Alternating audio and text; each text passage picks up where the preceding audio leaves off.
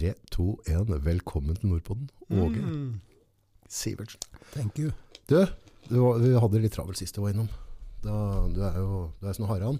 Mm Du er rundt. rundt. -hmm. Så nå må vi gå litt mer i detalj, for vi fikk liksom, jeg fikk ikke dekka sulten helt sist. Men det er jo litt kult i dag, da, for nå Du har jo da skrevet boka om Rinnanbanen, og så ser vi nå på VG i dag, på første sida, så står det at side 20, 21, 22, 23, 24 og 25 så står det om arbeidet ditt. Ja, jeg er jo skuffet selvsagt over at eh, VG ikke utgir en ekstrautgave. Det burde de gjort. Men når de først uh, skulle skrive litt, da, så har de altså laga seks sider. Så jeg tøyser jo bare med den ekstrautgaven. Det her er jo helt fantastisk at de, at de bruker så mye spalteplass på Rinnan. Men jeg tror ikke det er uten grunn, for det er så mye nytt som er kommet frem om Rinnanbanen og Rinnan, at uh, det er nok grunnen til at eh, de lager så mye stoff om det, tror jeg. Det må jo være helt fantastisk å få en sånn anerkjennelse. Du, altså du, det er jo utrolig mye research og arbeid og intervju du har gjort for å kunne dokumentere og skrive den boka du har skrevet, og så får du, får du denne tilbakemeldinga. Det, denne betyr litt mer enn bare noen terningkast i en rubrikk. Ja, sist jeg var her så hadde jo ikke salget begynt av boka. Um, de første 4000 de ble jo faktisk utsolgt etter litt over en uke, så det var helt sprøtt. Så da trykte de et nytt opplag eh, like etterpå, men det er jo ikke ferdig trykt ennå.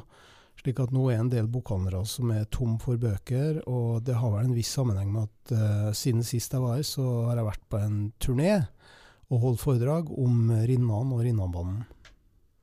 Turné, det vil si. Har du Jeg har holdt foredrag eh, Jeg starta i Molde. ja, Eh, det var biblioteket som eh, arrangerte, og det er vanligvis det som skjer da, på de andre foredragene. Og jeg tenkte at ja, da kommer det vel kanskje 20-30 stykker, da.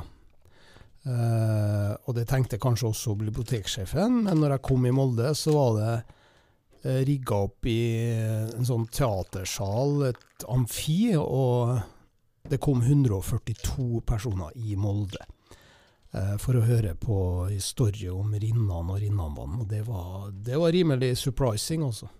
det er sjukt. Og det har vært like godt oppmøte på alle andre steder nå, for du har vært mange steder. Ja, det, for å ta Molde først, da, så hva skjer i Molde? Jo, jeg holder foredrag om eh, Molde-aksjon, som moldenserne og romsdalingene faktisk ikke hadde hørt om. Moldeaksjon var det. Molde-aksjon, det var Rinnan og Ivar Grande som var nestleder i Rinnanbanen. Eh, De eh, sjekka opp to damer i Molde som jobba i motstandsbevegelsen, altså som jobba på norsk side, da, kan du si. Og så ble de to damene de ble jo da forelska i Henry Oliver Rinnan og Ivar Grande. I Høgsets hytte oppe i Varden, oppe i Lia i Molde, for den som eh, kjenner terrenget. Eh, og hun, Solveig Kleive hun ble jo så forelska i Rinnan at hun dro til Trondheim, begynte å jobbe for han som sekretær. Men visste hun da at han var svinet? Og det var det hun ikke visste, selvsagt, for at hun trodde at han jobba i motstandsbevegelsen, han òg, sånn som hun gjorde. Og dermed så ble hun eh, lurt trill rundt, og det var hun mer eller mindre i et helt år. Og Sleipe Rinnan, vet du, han eh, har kontakt med Gestapo, så han arresterer Solveig Kleve han, via Gestapo, og skal, Rinnan skal sjekke ut uh, lojaliteten til Solveig Kleve. Så hun nekter jo på at hun jobber for motstandsbevegelsen, hun nekter på at hun jobber for Bjarne Asp, da, som Henry Oliver Rinnan kalte seg. Så han brukte falskt navn òg? Ja, ja, ja, han brukte flere dekknavn. Uh, Bjarne Asp, uh, Henry Wist, uh? Olav Wist, bare Olaf. Ja, her snakker vi både mafia og, og James Bond til sammen. Men hun kjekke Solveig Kleve, da, hun, hun blir avhørt i tre hun er med i tre avhør til Gestapo. og og Og den pressa hardt òg, liksom? ja da, men hun, hun holdt fast på sitt. Hun avslørte ikke eh, egentlig at Rinnan da jobba i motstandsbevegelsen. Og dermed han, var han veldig fornøyd. Men så banka han på døra da til Gestapo på det tredje avhøret. Så kommer han inn i rommet, og så befrir han Solveig Kleive. Så han han later jo som at uh, han er liksom uh, At han har autoritet, at han har posisjon til å befri henne fra Gestapo. Og hun blir jo superglad og enda mer forelska i, i Rinnan. Og Rinnan forteller hun etterpå at det er veldig viktig at de som er i motstandsbevegelsen, også har litt kontakt med Gestapo. For at de må vite liksom, litt om hva som foregår. Så hun er jo dødsforelska på det tidspunktet i Rinnan. Så går det litt lengre tid. Hun henter datter si på åtte år som kommer fra Molde, kommer altså i, i Trondheim. Eh, de skifter adresse til stadighet, og, hun oppdager jo selvsagt at Rinnan jobber for Gestapo etter hvert. Men da er det for sent å slutte i Rinnamannen. Hun bor i bandeklosteret hvor tortureringa av fanger foregår i nesten to og et halvt år. Og eh, Uh, hun må bo der sammen med datteren sin, hvor tortureringa foregår i kjelleren. Uh, de hører jo det her, hun er jo helt fortvilt, hun får ikke slutt. Hvis hun slutter, hvis hun prøver å rømme til Sverige, så sier Innan at han tar livet av både hun og dattera og foreldrene. Og det ender jo med at Solveig Kleve får uh, åtte års fengsel, da, åtte Nei. års fengsel i landssvikoppgjøret i 1945. Har du inntil, eller Er det noen som inntil dattera der, eller?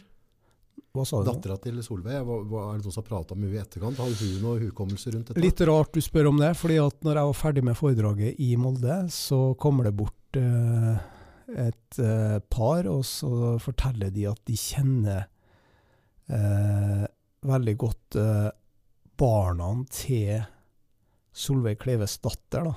Oi. Og så har de et bilde av henne som de sendte meg, som jeg har nå. Eh, og jeg angrer meg litt på at jeg ikke prøvde å få kontakt med hun dattera, for at hun mora, altså Solveig Kleve, hun levde jo den gangen i 95, når jeg første gangen skrev bok om Henry Oliver Rinnan. Men hun nekta å prate da, og så burde jeg, burde jeg jo tatt kontakt med dattera i ettertid, da, men hun døde på jeg tror det var i 2008, så nå er ikke hun i live lenger. Men barna hennes er i live, slik at eh, eh Altså barnebarna til Solveig? Er i livet? Ja, ja. ja, de er i livet. To stykker.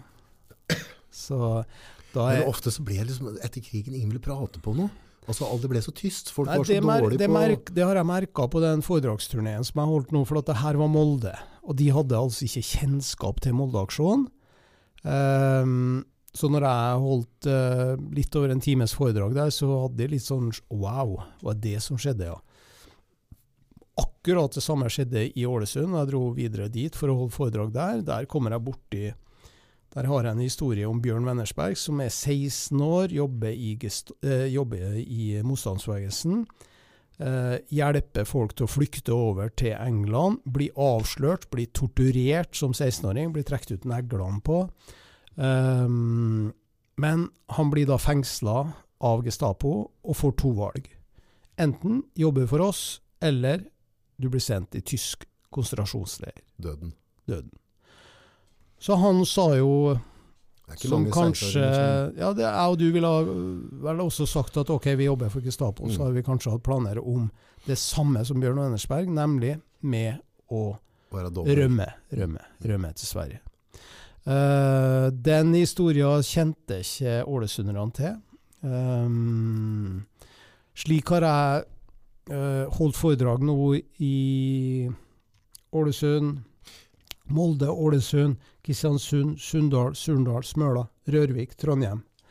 Uh, nye historier hver gang, nytt tema hver gang. I, i, går, var jeg, i går var jeg sist, da, så var, var, jeg i Trondheim, og 300 mennesker hadde møtt opp. Uh, full sal og stor interesse. Det bildet som er på boka di, på coveret, er det Solveig som er der? Nei. Bildet på coveret det er Gunnlaug Dundas Pus. Eh, hun ble kalt Pus, da. Og hun eh, traff Henry, Henry Oliver Rinnan første gang. Første juledag 1944. Det er altså noen få måneder før eh, krigen eh, er slutt. Og det er en, det er en fest, eh, et party, og hun blir forelska i Rinnan. Hun har sex med Rinnan. og hun tror at hun skal bli forlova med Rinnan. Hun blir gravid med Rinnan. Vi snakker om eh, 8. mai så er jo frigjøringsdagen, så vi snakker om januar, februar, mars, april. Så de fire månedene da, så presterer hun å bli gravid med Rinnan, bli forelska i Rinnan, og de skal liksom få lov seg å flytte inn i en egen bolig osv. Så, videre. så hun henger jo ikke med, men hun er liksom eh, forelskelse gjør blind. Og når rettssaken kommer, da, så eh, vil hun ta abort, selvsagt. Hun tar abort. Og det har jeg papir på. Mm. Så Rinnan hadde mange elskerinner, hadde mange damer. Han var jo gift, hadde tre barn. Men eh, han forsynte seg godt, og som det står i, i VG, han var nok sexgal. Det, det bekrefter iallfall, det sier iallfall kona til Rinnan. Ja. Men litt tilbake på hun Solveig. Når du, når du fortalte liksom litt altså nå, nå, Det står det mye dypere i boka om alt som skjedde der, men dette, dette er jo en sak for Nationaltheatret. For, for et teaterstykke. Med, altså, med dobbeltagenter, altså forfølelse. Altså, når, når, du, jeg, det første, det første når, du, når, du, satt og forklarte meg nå, så jeg så for meg det stykket på Nationaltheatret.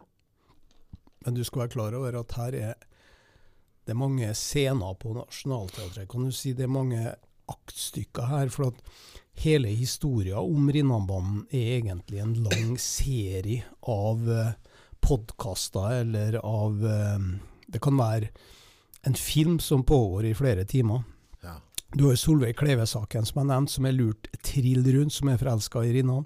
Du har Gunnlaug Dundas Pus, som er altså 21 år, da, i 1944. Og som blir pladask forelska i Rinnan da, og blir gravid, og så kommer landsvikoppgjøret eh, et par måneder etterpå, ikke sant. Det er ganske sprøtt. Um, når, når de blir arrestert, så sitter ikke jeg liksom hjemme i bandeklosteret og venter på å bli arrestert. De rømmer mot Sverige. Rinnan sammen med tror det var ca. i overkant av 20 bandemedlemmer, som ble delt inn i tre grupper. Kona og de tre barna ble kjørt til besteforeldrene i Levanger. Mens Rinnan tok med seg elskerinna Pus eh, på fjellet og over mot eh, Sverige, da, i Verdalsfjellene. Og de ble jo da arrestert. Og Han, han blir arrestert, se bildet her på, på i avisa, Ja. hvor han henne, holder eh, hendene i været. Ja, stemmer. Eh, det, er på, det er på bursdagen til Rinnan, så han blir arrestert på samme dag som han er født. da. Fjor- Karma. 14. mai 1945. Heftig. Heftig.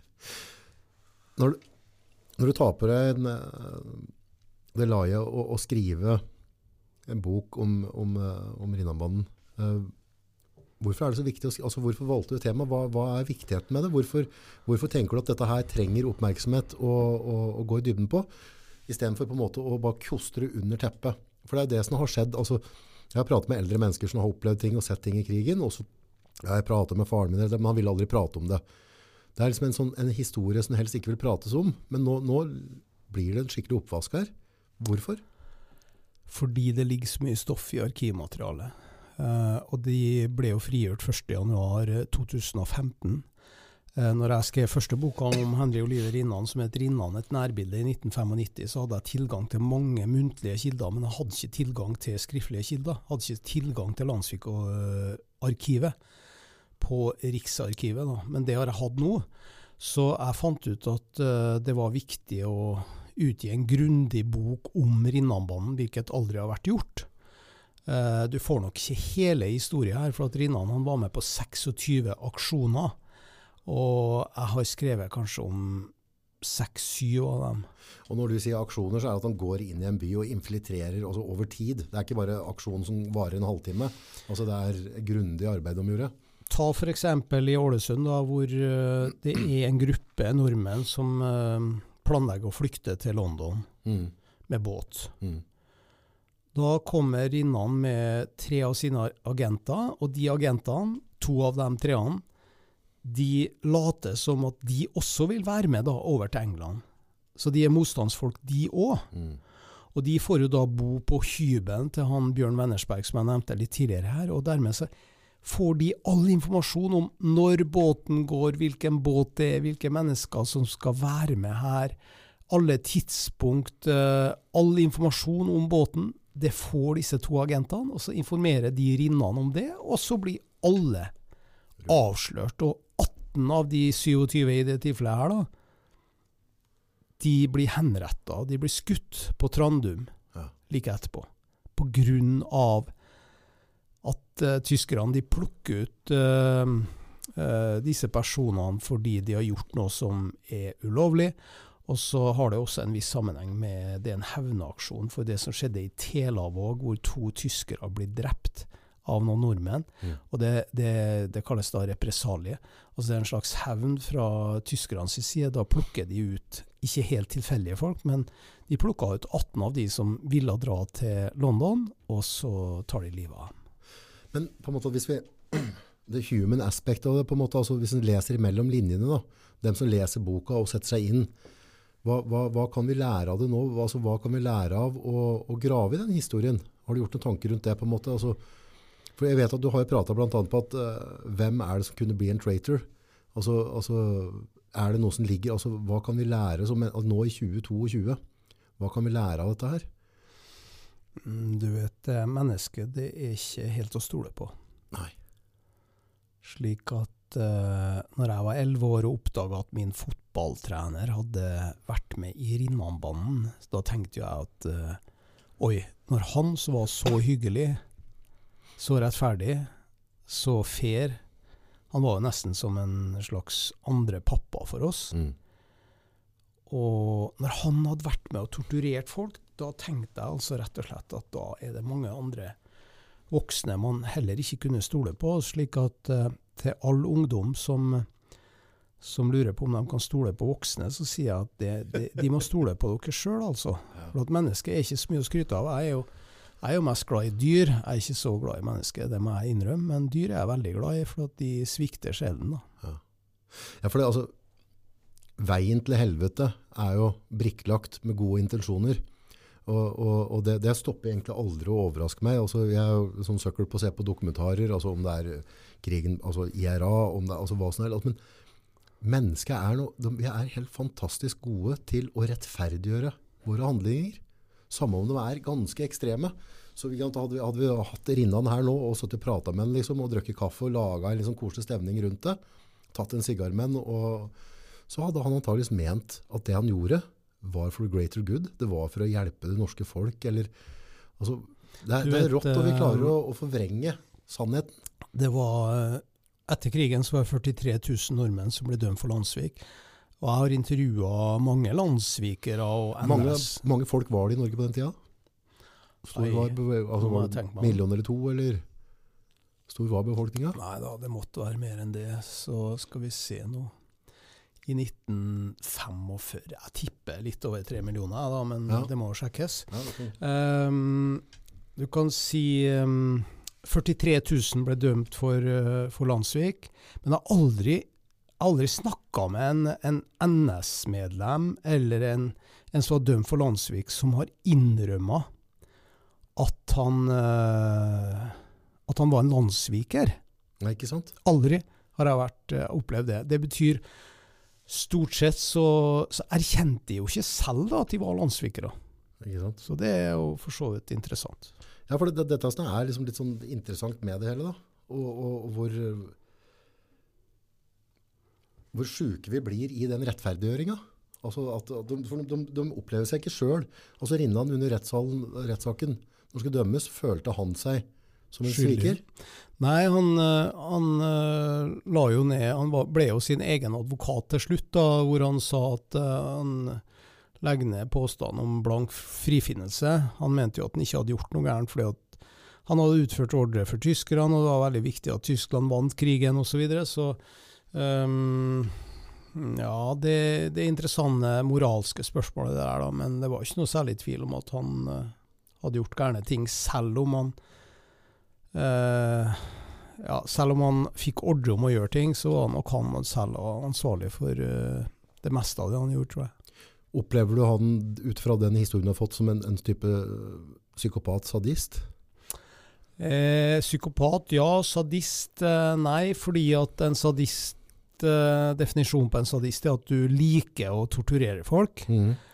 Eh, men eh, Rinnan eh, torturerte folk for å oppnå et resultat. Han var veldig ambisiøs på resultatsida. Han ville ha han ville ha stige i graden til Gestapo, og det gjorde han jo. Så han fikk jo resultater hele tida, så de var jo så fornøyd med Rinnan.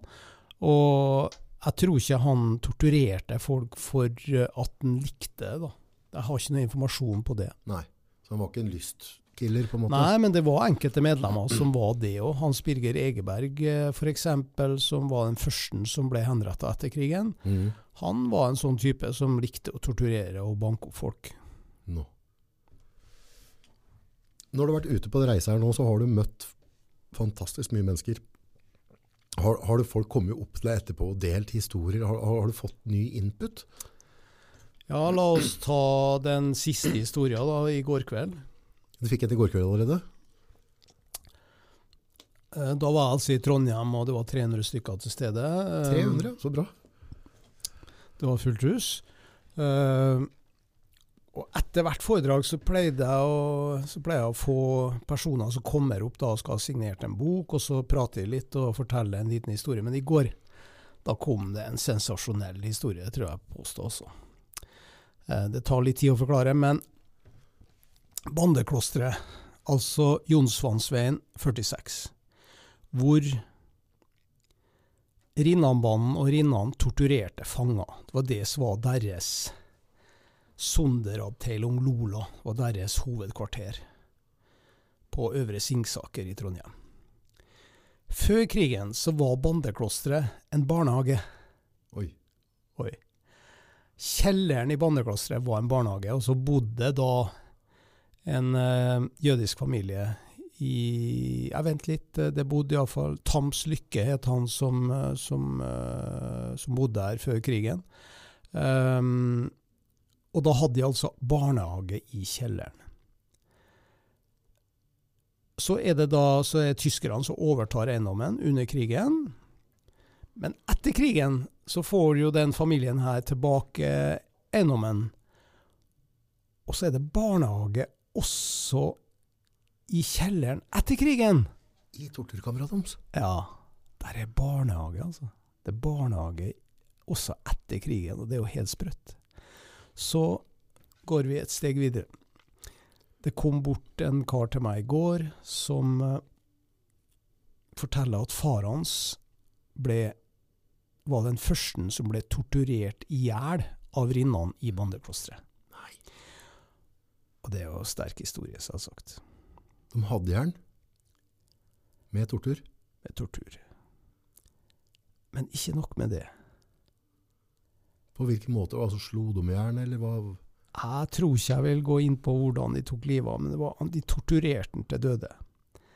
Eh, men etter krigen, da, så er sønnen her, som altså forteller meg den historien, han går i barnehagen i bandeklosteret etter krigen, hvor faren har blitt torturert i hjel. Helt sjukt. Da er ikke verden stor. Det, det er den sprøeste historien som eksisterer om Rinnanbanen, tror jeg. Så jeg fikk jo helt sjokk. Så i løpet av helga nå så skal jeg ta kontakt med han med hans sønn til Henry Wist, som ble torturert i hjel, og spørre om jeg, kunne, om jeg kan skrive litt mer om det i den neste utgaven. For at boka er trykt opp i, i et nytt opplag nå, og så kommer det enda et nytt opplag. Og i det tredje opplaget så kommer det en historie her, hvis jeg får lov å intervjue den. da. Det er ganske vilt. Ja, litt sånn. Når, sa han når han egentlig fikk vite at, at altså, For han var jo mest sannsynlig ikke klar over det når han var barn. Men det er det jeg vil spørre ham om. vet du, hva, hva i herrens navn eh, Mora levde jo, og hun visste jo om at det har foregått tortur her.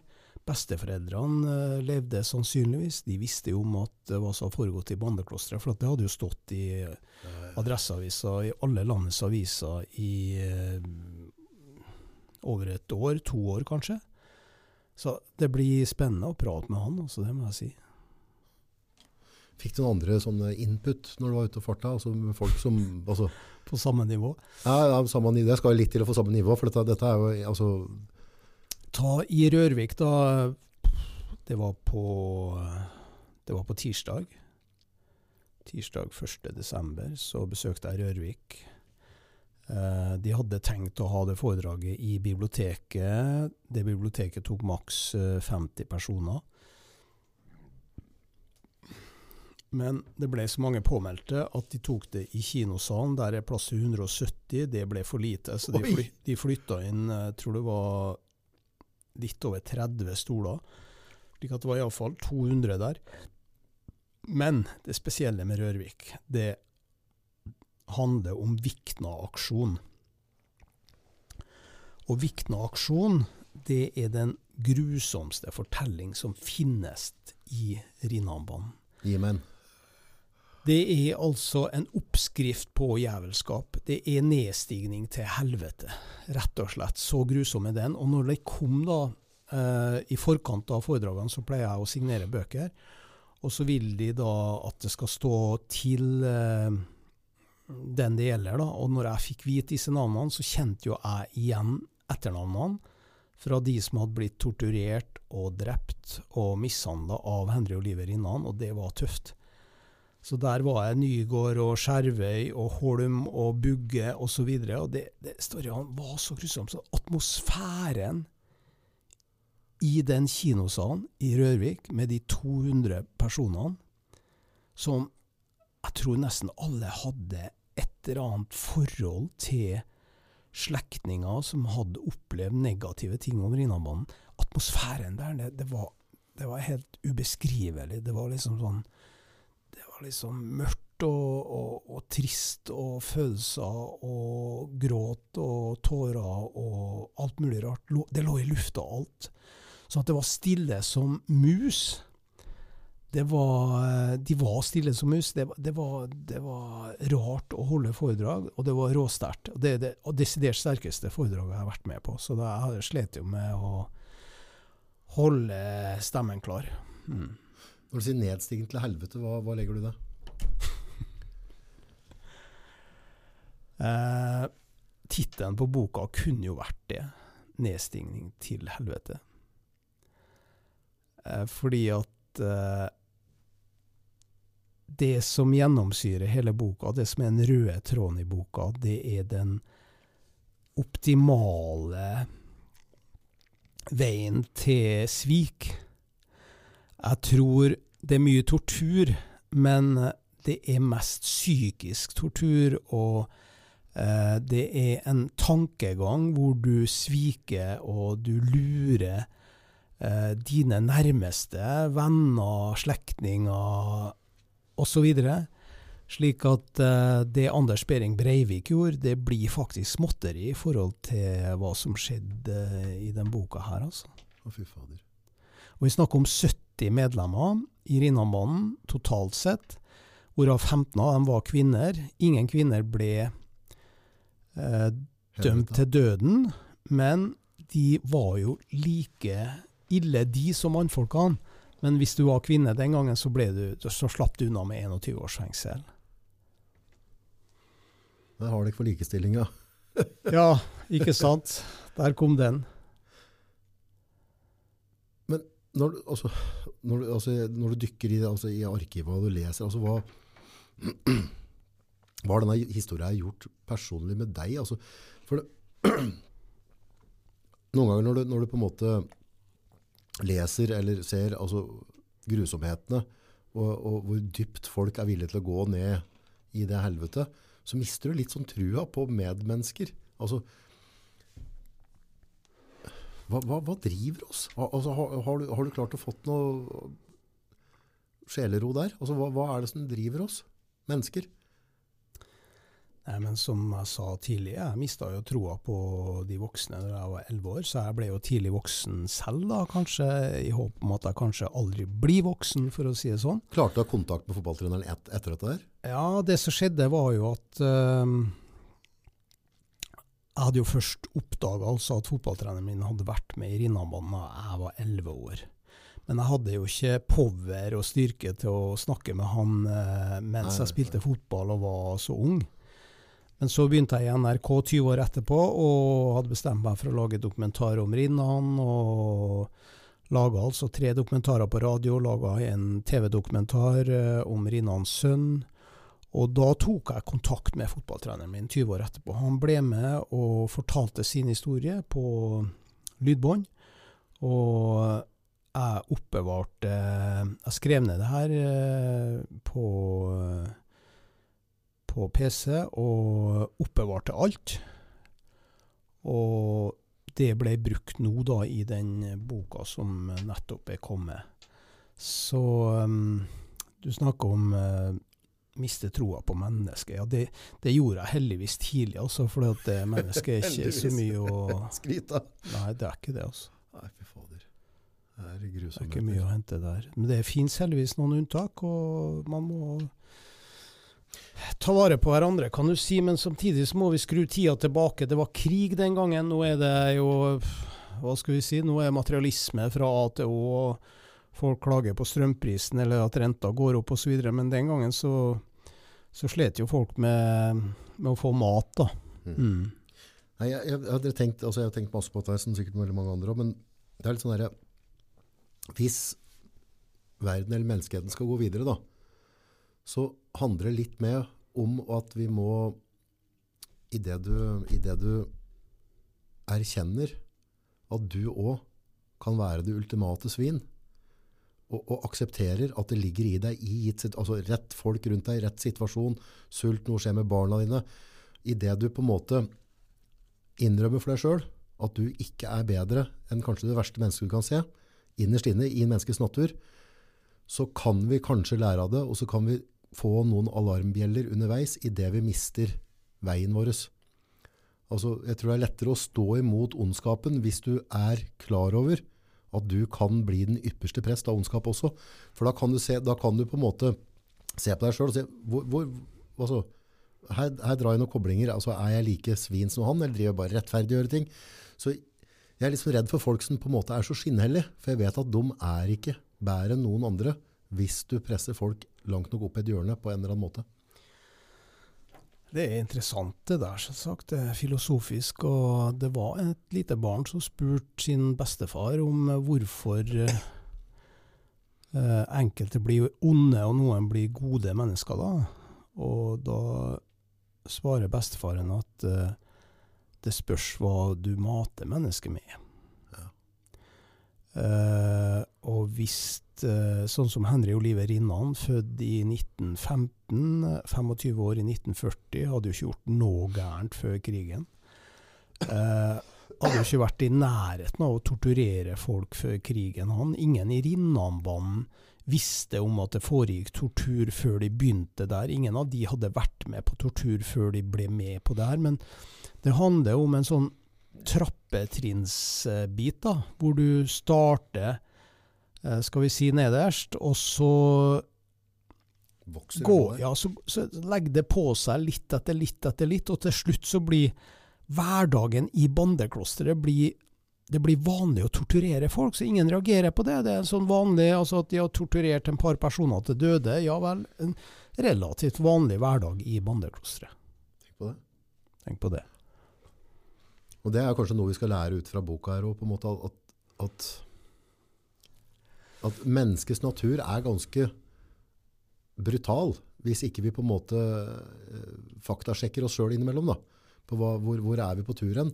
For Ja, du, du kommer stadig tilbake til hvor, hva skal man lære, hva skal man gjøre bedre. Men eh, jeg må jo innrømme at jeg har gitt opp litt det der. Også. jeg tror toget er godt, og um, kanskje har det aldri vært der, det toget. For det er sånn vi mennesker er. Så um, det er så mange eksempler på hvordan man manipulerer mennesker til å gjøre hva som helst. Altså hvem som støtter Stalin eller støtter Hitler.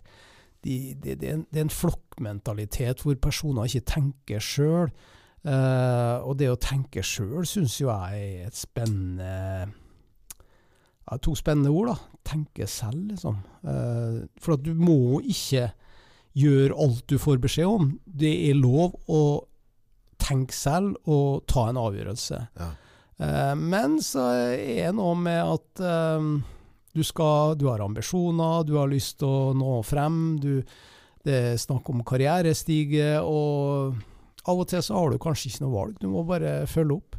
Ja, og det, det, det bildet jeg får i hodet da, når du sier det som sier det nå, så er det litt sånn, altså hvis, vi, hvis vi følger strømmen da, altså vi går på skole og vi skal ha karakterer, ikke, altså for å skal ha jobb, altså alt, alt, vi blir matet da, det kommer litt an på hva du mater mennesker med.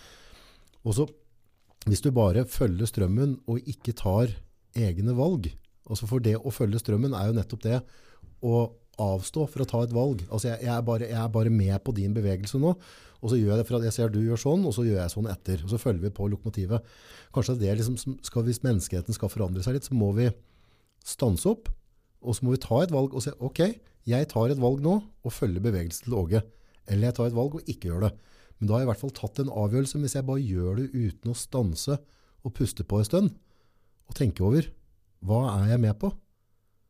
Så du tar deg en dusj på kvelden da, og, og renser uh, sinnet ditt. Så tenk på hva, hva har jeg vært med på i dag? Hva ønsker jeg å oppnå med det? Hva, hva, tenker, hva bringer jeg inn i verden? Du vet, eh, de fleste menneskene de går altså først på barne- og ungdomsskole, og så går de gjerne videregående. Dvs. Si mange som ikke gjør det, men etter at de er ferdig med videregående, eller at de begynner da å jobbe, så eh, blir du noen og tyve år, og så får du et barn eller to med en kjæreste da, og så får du en eh, Kjøpe en bil, og så kjøpe en leilighet, og så er du fanga. Du er avhengig av å betale banken. Og Det var en venn av meg som sa Vi spilte fotball for noen år siden, og så sa han at ja, nå har jeg funnet ut hvorfor, hvorfor jeg lever sånn. Jo, det er for å holde liv i banken. Ja. Fordi at det som skjer da, hvis du, hvis du har to barn og, og stasjonsvogn da, og gjerne en hund og, og en jobb, og begge har jobb osv., så, videre, så har du kjøpt deg en ganske dyr leilighet, og så nå eh, renta steg jo i går, og den er dyr, og det betyr at da må du i alle fall jobbe, og du må jobbe ikke bare i to år eller i fem år, men du må jobbe ca. 30 år til å nedbetale det lånet. Ja. Ok, valget er tatt. Men så er noen av oss, da, jeg skal innrømme at jeg er der, som stoppa tidligere og tenkte at hallo, jeg blir ikke med på det her. Jeg vil eh, dra min egen vei. Og det er jo risikabelt, eh, og så har jeg hatt litt flaks da innimellom, og Men rest fy fader, så aktiv han skal være ha flaks. Du skal, du skal være på mange steder, og du skal prate med mye folk, og Ja. du skal jobbe mye fra flaks. Men flaks, vet du. Flaks kommer jo ikke bare tredd over huet ditt, det kommer jo til dem som er ute og, og, og utretter ting. Flaks er ikke tilfeldig. Nei. Du må hjelpe til sjæl. Du må jobbe mye for å få flaks. Gustav Vigeland, vår eh, eminente eh, kunstner, som eh, har laga hele Vigelandsparken, for å si det sånn, han sa en gang 'Jeg gikk og gikk i Københavns gater, men ble aldri oppdaget'. Altså, du må gjøre noe sjæl! Ja. Jeg vet ikke om Mia hører på nå, men Ja. du må gjøre noe sjæl! ja. Du må by på deg sjæl, du må angripe, og du må vise at du har lyst til å gjøre noe, og så må du Det er en klisjé ute og går. Det er en fortelling fra Jeg kan ta bakgrunnen for den, for jeg, jeg er jo sånn reisegal. Jeg liker jo å reise jorda rundt. Jeg har gjort det noen gang. Jeg Hadde med datteren min til Robben Island i Sør-Afrika, hvor guiden der hadde vært eh, Han har vært fengsla sammen med eh, Nelson Mandela. Eh, han satt jo 27 år fengsla pga. at han hadde sort eh, hudfarge. Mm. Um, og han guiden satt altså åtte år sammen med Nelson Mandela. Og jobben deres der på Robben Island, da, som jeg og datteren min besøkte, det var at de skulle bære stein fra en plass til en annen plass, og så var det noen andre fanger som bar steinen fra den plassen og tilbake igjen. Kan det bli mer meningsløst? Nei, Nei. det kan ikke det. Nei. Så spør jeg han guiden, ja, men hvordan hvordan overlever noen slik? Hvordan greier du å, å, å stå opp og reise deg opp og, og tenke på at du skulle overleve? Og så svarer han en klisjé. Vi tenkte positivt. Og det er så viktig, fordi at det skjer så mye negative ting i livet at hvis du ikke evner til å tenke positivt, så er det stor fare for at du bukker under. Du ser bare det negative, da. vet du. Og hvis eh, jeg må innrømme at jeg er eksponent for å, for å tilhøre dem som tenker positivt, da, og jeg sier jo det ofte til dem som jeg er i kontakt med, og som kan ha trøbbel. Og jeg får jo slengt den tilbake. altså Hvis noen er deprimert og er inne i dype depresjoner eller har store, tunge problemer, så hjelper jo selvsagt ikke å si bare at du må tenke positivt. Men uttrykket er undervurdert. Man alle må, bør tenke positivt, alltid. Og hvis man har Hvis man nekter å gi seg, så er det et glimrende utgangspunkt for å få et brukbart liv, tror jeg. Oldemor Gina sa det hopper alltids opp en gullfisk. Så det gjelder å følge med. Ja, slik at man uh, klepper tak i den Ja. når han først uh, dukker opp. Må, men det er positiv tankegang. Det er, altså det, det er uten tvil at det, det har en mye mye større påvirkning. For tenker du altså, Har du tenkt over når du ser på folkeeventyrene våre? Altså, hva, du får ofte hva du tenker. Så Espen Askeladd. Og så, sto, så kom trollkjerringa. Hva er det du står og hogger? Jeg står og hogger til trau. Og trau ble det. Ikke sant? Og så spurte han hva var det du stod og? Ikke? Et skip som kan gå til luft og til vanns, nå husker jeg ikke historien. Og det ble det. Så, så og, på, det, det, er, det er noen år siden det har skrevet, men det er en sannhet i det eventyret der. At du får litt, altså Hvis du tenker negativt Hvis jeg på en måte bare tenker på at nå skal Åge er en skurk og ditt, og jeg skal være negativ når jeg kommer inn Jeg får, jeg, jeg får ikke noe lærdom ut av det da, vet du. Jeg får uh, vibba til Henrik Ibsen, da, som hadde et sitat som ligner på det jeg sier nå. Det er at det er mulig min skute går på grunn, men det er så godt at seile. Ja, Er ikke det fint sagt? Jo, det er veldig flott sagt. For at da gir vi oss litt blaffen i konklusjoner. Men her må vi forsøke.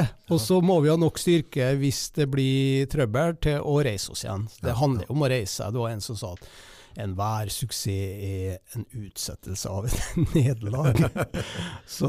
Winston Churchill sa if you're walking through, hell, keep on walking. Ikke sant. Ja. Ja. Det er noe med det. Så å, å se framover. Lete etter det Ikke lyset. stoppe det. Du, eh, jeg lurer på om vi begynner å nærme oss eh, Jeg skal videre. Jeg må nødt til å gjøre ferdig noe andre intervju, faktisk, Ja, som ja, står på ja, ja. tuppen til å bli et eller annet her. Så jeg vet ikke om du begynner å nærme deg Nei, jeg kunne egentlig kjørt en time til jeg nå, da, Ja. men, eh, men eh, Kan vi ikke ta en ny runde i desember, da? Jeg kommer tilbake. Da er jo sikkert boka trykt opp igjen, og flere opplag. før det får lov til å gå, så er det en, en, eh, noe jeg lurer litt på. Eh, Cuba. Cuba står deg nært. Hva, hva, jeg har aldri vært i Cuba, men jeg har veldig lyst til å reise ned dit eh, og oppleve det. Men hva, hva er det som gjør at Cuba er Cuba?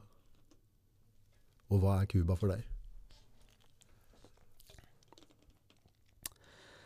Ja, nå har jeg altså nettopp utgitt en bok om Rinnanbanen. men, men neste boka jeg utgir, det er jo da om Cuba. fordi at de siste Oh. 26 årene så har jeg vært hvert år på Cuba. Eh, mellom to uker og to til tre måneder. I fjor så var jeg der i fire måneder. Og i år så blir jeg sikkert minst i fire måneder. Eh, så Cuba er veldig interessant for meg, fordi at jeg opplever eh, det motsatte av det vi har her i Vest-Europa, nemlig den store materialismen. Så de siste bøkene mine har vært skrevet på Cuba.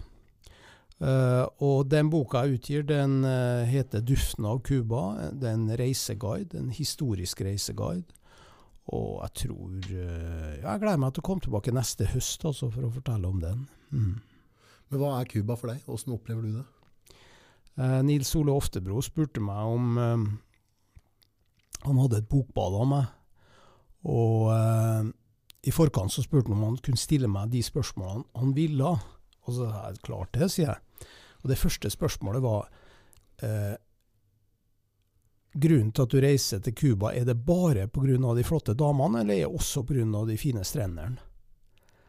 Og så Ja vel, jeg sa de flotte damene, da, at, det var punktum der. Men jeg, jeg, må jo legge til nå da at eh, jeg, finner eh, arbeidsro og skriver eh, Ja, skal vi si jeg jobber iallfall ni-ti timer om dagen når jeg er på Cuba. Du klarer det. Men hva er liksom temperaturen? Altså, altså, livet på Cuba? Altså, hva, hva vil jeg oppleve hvis jeg har tre uker på Cuba?